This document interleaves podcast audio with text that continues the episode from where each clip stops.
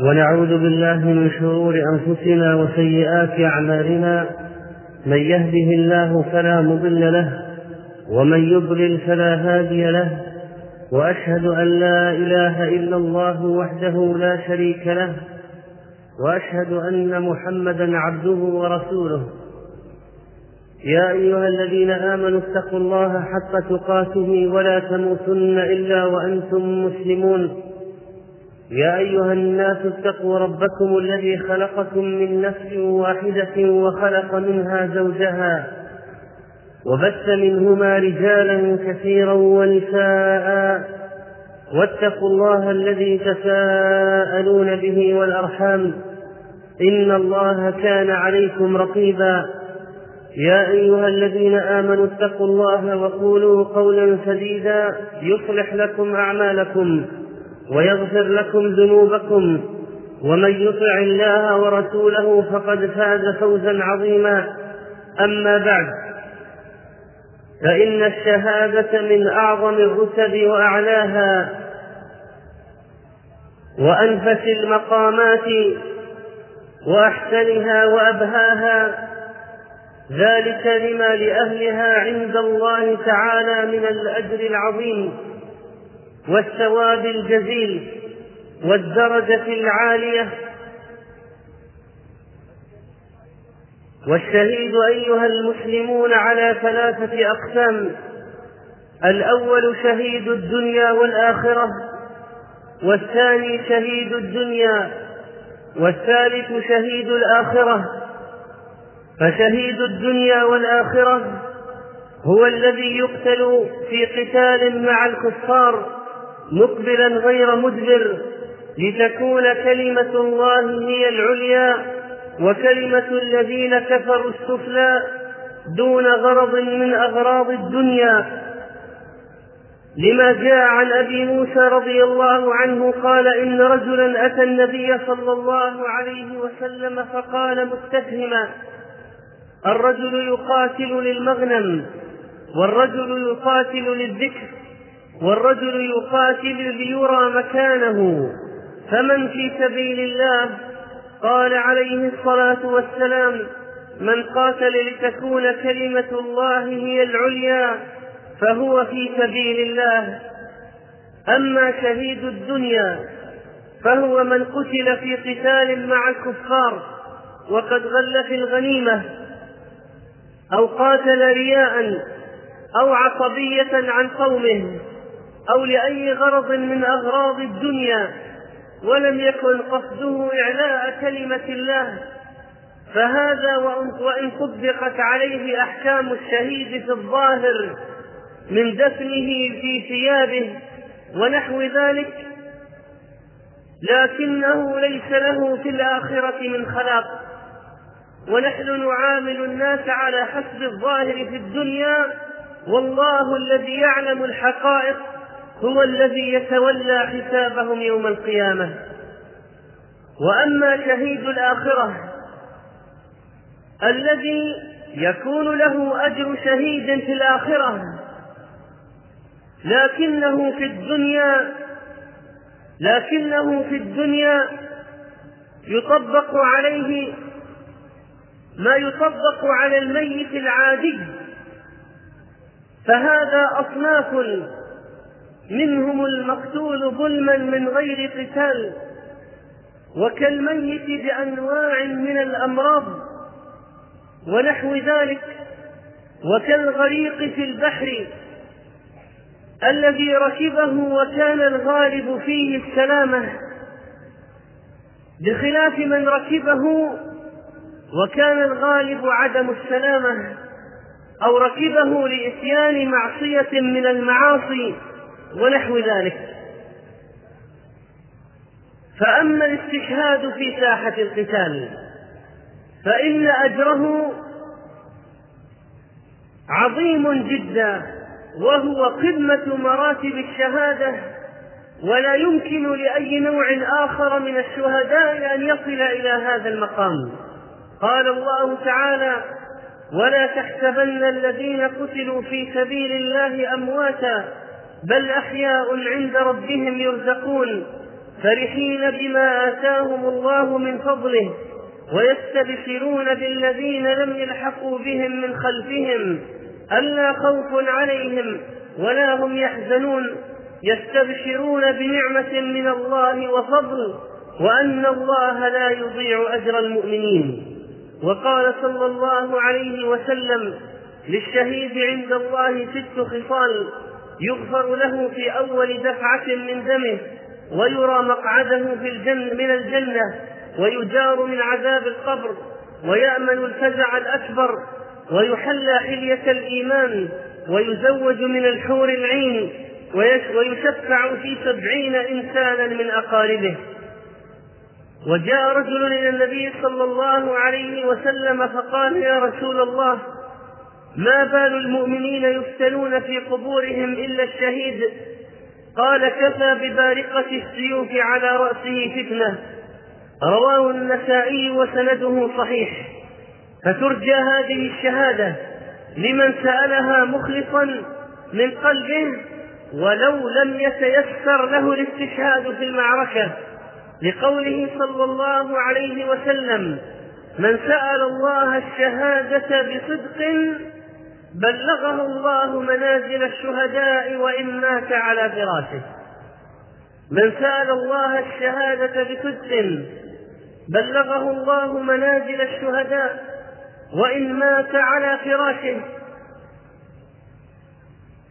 ولذلك كان لا بد من سؤال الله بصدق الاستشهاد في سبيل الله لتحصيل هذا الأجر العظيم. ولو مات الإنسان حتى أنفه وكذلك من أنواع الموت الطيبة الموت غازيا في سبيل الله. لقوله صلى الله عليه وسلم ما تعدون الشهيد فيكم؟ قالوا يا رسول الله من قتل في سبيل الله فهو شهيد. قال إن شهداء أمتي إذا لقليل. قالوا فمن هم يا رسول الله؟ قال من قتل في سبيل الله فهو شهيد ومن مات في سبيل الله فهو شهيد. عباد الله ومن أنواع الموت الطيبة التي لها أجر شهيد الموت بالطاعون. قال صلى الله عليه وسلم الطاعون شهادة لكل مسلم. وقال أيضا لما سئل عن الطاعون إنه كان عذابا يبعثه الله على من يشاء فجعله الله رحمة للمؤمنين فليس من عبد يقع الطاعون فيمكث في بلده صابرا يعلم أنه لن يصيبه إلا ما كتب الله له إلا كان له مثل أجر الشهيد.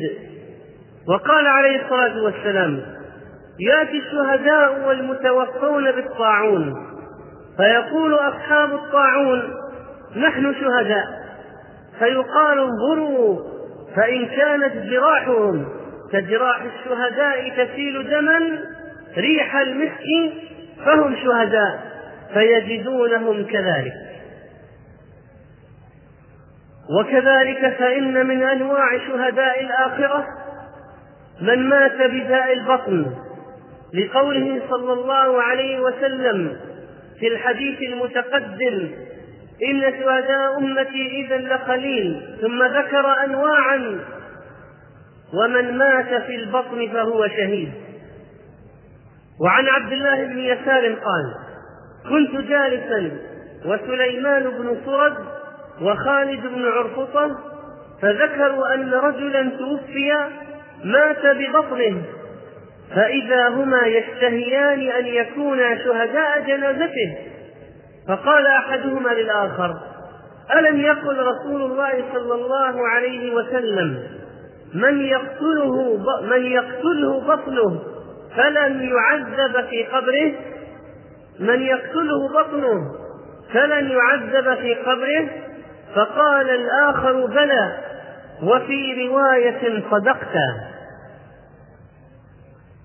وكذلك من أنواع شهداء الآخرة. الموت بالغرق والهدم لقوله صلى الله عليه وسلم.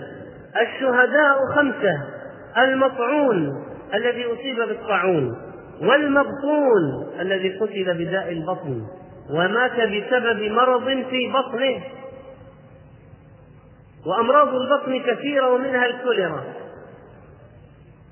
والغرق الذي مات غريقا. وصاحب الهدم الذي انهدم عليه بيته. انهدم السكن الذي يسكن فيه. وقع عليه جدار أو حائط مات بسبب الهدم. وكثير من الذين يموتون في الزلازل كذلك. وصاحب الهدم والشهيد في سبيل الله. ومن أنواع شهداء الآخرة. موت المرأة في نفاسها بسبب ولدها. لحديث عبادة بن الصامت. أن رسول الله صلى الله عليه وسلم عاد عبد الله بن رواحة. فما تحوز له عن فراشه. أي تنحى. فقال أتدري من شهداء أمتي؟ قال قتل المسلم شهادة. قال إن شهداء أمتي إذا لقليل. قتل المسلم شهادة. والطاعون شهادة. والمرأة يقتلها ولدها جمعاء التي تموت وفي بطنها ولد. والمرأة يقتلها ولدها جمعاء شهادة.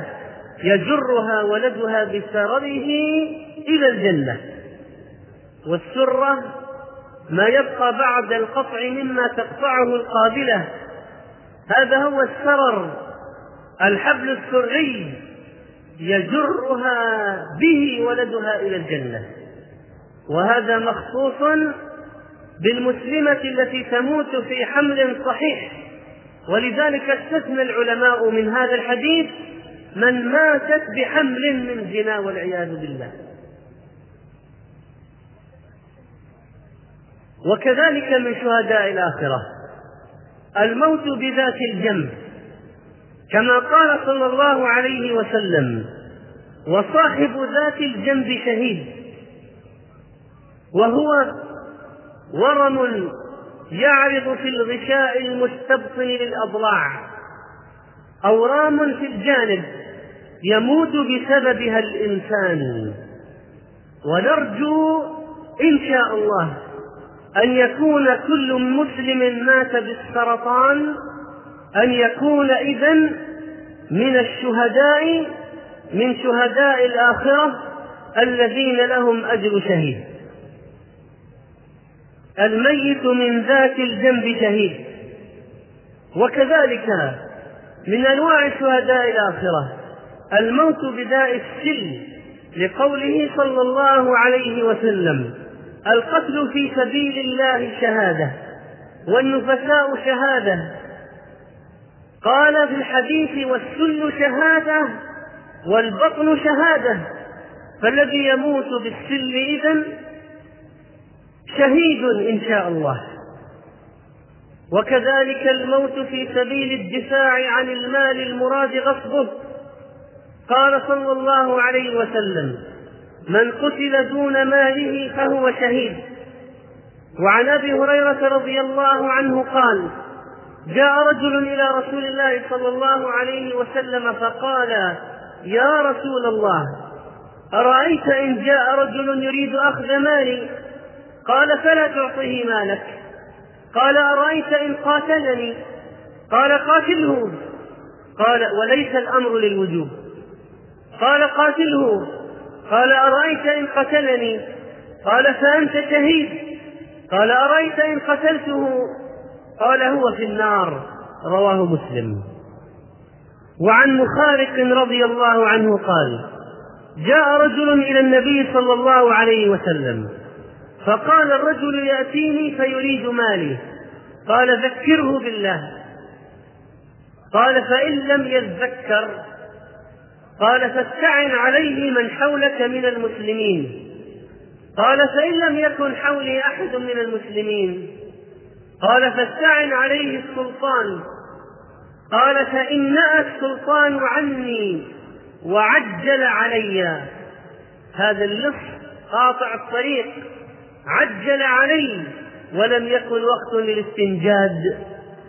قال قاتل دون مالك حتى تكون من شهداء الآخرة أو تمنع مالك. ومن الشهداء أيضا. الموت في سبيل الدفاع عن الدين والنفس. قال عليه الصلاة والسلام من قتل دون ماله فهو شهيد ومن قتل دون أهله فهو شهيد. الذي يقتل دفاعا عن عرضه ومن قتل دون أهله فهو شهيد. ومن قتل دون دينه فهو شهيد. ومن قتل دون دمه فهو شهيد. وقال عليه الصلاة والسلام من قتل دون مظلمته فهو شهيد. والموت في والموت في الرباط في سبيل الله من أعظم الميتات وأطيبها. قال عليه الصلاة والسلام رباط يوم وليلة خير من صيام شهر وقيامه. وإن مات جرى عليه عمله الذي كان يعمله وأجري عليه رزقه وأمن الفتان. وأما من مات على عمل صالح قبض عليه فإنه من علامات حسن خاتمته. قال صلى الله عليه وسلم من قال لا إله إلا الله ابتغاء وجه الله ختم له بها دخل الجنة ومن صام يوما ابتغاء وجه الله ختم له بها دخل الجنة ومن تصدق بصدقة ابتغاء وجه الله ختم له بها دخل الجنة. أيها المسلمون وإن من أعظم أنواع الشهادة أيضا الموت بالحرق لقوله صلى الله عليه وسلم الشهداء سبعة سوى القتل في سبيل الله. وقال والحرق شهيد. فالذي يموت محترقا فهو من أنواع الشهداء. ولا يصح التساهل في إطلاق لفظ الشهيد على الأشخاص فالله أعلم من الذي يموت شهيدا في سبيله. نسأل الله تعالى أن يحسن خاتمتنا وأن يتوب علينا وأن يوفقنا لعمل الصالحات وترك المنكرات وحب المساكين. أقول قولي هذا وأستغفر الله لي ولكم فاستغفروه إنه هو الغفور الرحيم. الحمد لله رب العالمين الرحمن الرحيم مالك يوم الدين أشهد أن لا إله إلا الله رب الأولين والآخرين وأشهد أن محمدا رسول الله سيد الأنبياء وخاتم المرسلين صلى الله عليه وعلى آله وصحبه أجمعين. عباد الله إن النبي صلى الله عليه وسلم حذرنا وهو يحذر أمته من كل شر من خطورة النار. فقد روى البخاري رحمه الله عن أبي موسى قال احترق بيت بالمدينة على أهله. فحدث النبي صلى الله عليه وسلم بشأنهم فقال إنما هذه النار عدو لكم. فإذا نمتم فأطفئوها عنكم. ونظرا لشناعة الاحتراق كان النبي صلى الله عليه وسلم يستعيذ من الموت بها. لا لأنه ليس له أجر شهيد بل لشناعتها في الدنيا. فكان رسول الله صلى الله عليه وسلم يقول في دعائه اللهم إني أعوذ بك من التردي والهدم والغرق والحريق وأعوذ بك أن يتخبطني الشيطان عند الموت وأعوذ بك أن أموت في سبيلك مدبرا وأعوذ بك أن أموت لديغا رواه النسائي وأبو داود وهو حديث صحيح. لكن إن حصل ومات بالحرق فإن له أجر شهيد كما تقدم. والله يفعل ما يشاء وهو أعلم بمصائر العباد وهو مقدر الأقدار سبحانه وتعالى. وهؤلاء الأصناف الذين تقدم ذكرهم من شهداء الآخرة ماذا يفعل بهم من جهة الأحكام في الدنيا؟ قال العلماء لا يغسل الشهيد أي قتيل المعركة مع الكفار سواء كان مكلفا أو غير مكلف إلا إن كان جنبا أو امرأة حائضا أو نفساء طهرت من حيضها أو نفاسها. وإن سقط من دابته أو وجد ميتا أو سقط من شاهق في القتال أو رفسته دابة في القتال أو عاد إليه سهمه الذي أطلقه بالخطأ فالصحيح أنه يغسل إذا لم يكن ذلك من فعل العدو. لكن إن قتله العدو فلا يغسل ويبقى أثر الشهادة يبقى أثر الشهادة عليه. ومن قتل مظلوما بأي سلاح قتل كقتيل اللصوص ونحوه يلحق بشهيد المعركة في أصح الروايتين في مذهب الإمام أحمد رحمه الله وقال بعض العلماء بتغسيله. وكذلك الغريق والمبطون والمرأة التي ماتت في الولادة فإنهم شهداء في الآخرة يغسلون باتفاق الفقهاء. وأما الميت المحترق فقد ذهب العلماء إلى أن من احترق بالنار. يغسل كغيره من الموتى إن أمكن تغسيله لأن الذي لا يغسل إنما هو شهيد المعركة. ولو قتل في المعركة محترقا أو أحرق العدو حصنا للمسلمين ونحو ذلك كان شهيدا لا يغسل. أما المحترق خارج المعركة فهو من شهداء الآخرة. لا تجري عليه أحكام شهداء الدنيا.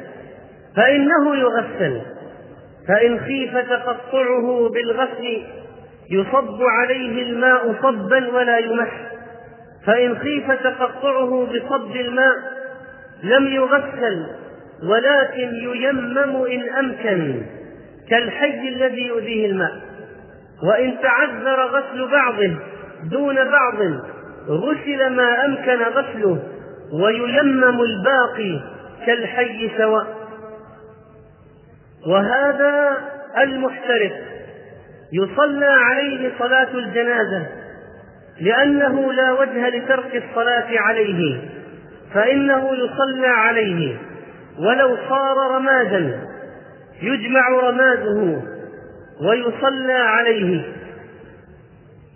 وقال بعض أهل العلم بعدم الصلاة عليه واشترطوا حضور أكثره حضوره أو حضور أكثره فإنه إذا صار رمادا لا يصلى عليه. ومذهب الإمام أحمد رحمه الله الصلاة عليه وإن صار رمادا. عباد الله إذا الذي يموت محترقا له أجر شهيد. ويغسل إن أمكن وإلا ييمم ويصلى عليه. وكل ما تقدم من الكلام كما يظهر لكم كان بسبب كانت مناسبته حصول هذا الحريق الذي سمعنا عنه في منى وقد احترق أكثر خيامها بسبب ذلك الحريق. والله يقدر ما يشاء ويفعل ما يريد. ولا شك أن المصاب الذي حصل إنما هو مصاب لكل مسلم قلبه حي. فأما المسلم الذي في قلبه دغل فلا يكاد يفترس. وأما المسلم الذي قلبه حي فإنه يحس أن المصيبة مصيبته هو. وعزاؤنا فيهم أمور منها أنهم ماتوا محترقين ومن مات محترقا له أجر شهيد. وثانيا أنهم ماتوا محرمين في عبادة وعمل صالح فاجتمع لهم علامة من علامات حسن الخاتمة. والله تعالى يصطفي من عباده ما يشاء. وإن كان الأمر في الظاهر شرا بالنسبة إلينا فإنها إن شاء الله نعيم لهم في قبورهم ورحمة لهم من ربهم وثواب جزيل يكتب في صحائف أعمالهم وخاتمة حسنة نرجو لهم بها الشهادة عند ربهم. فالحمد لله على كل حال والحمد لله على ما قضى وقدر ونسأل الله لهم الرحمة والمغفرة. اللهم ارحم شهداء حريق الحج. اللهم ارحم شهداء حريق الحج. اللهم ارحم شهداء حريق الحج. اللهم أعظم لهم الأجر والثواب. اللهم ثقل موازينهم. اللهم آتهم أجر حجهم الذي قصدوه. اللهم إنا نسألك لهم الرحمة والمغفرة ولأهليهم الصبر على مصابهم فيهم. اللهم إنا نسألك حسن العزاء فيهم. اللهم إنا نسألك قبول الحج من حج من المسلمين. ونسألك أن تخلف بخير للقاعدين من المسلمين؟ اللهم إنا نسألك رفع الدرجات وزيادة الحسنات وتكثير السيئات. اللهم إنا نسألك النصر للإسلام والمسلمين. اللهم عجل فرج المسلمين. اللهم عجل فرج المسلمين. اللهم عجل فرج المسلمين يا رب العالمين. اللهم إنا نسألك الأمن في أوطاننا ودورنا. اللهم إنا نسألك النصر على أعدائنا. اللهم إنا نسألك قضاء ديوننا. اللهم إنا نسألك أن تغفر لنا حقوقك التي علينا يا رب العالمين. سبحان ربك رب العزة عما يصفون وسلام على المرسلين والحمد لله رب العالمين. وقوموا إلى صلاتكم يرحمكم الله.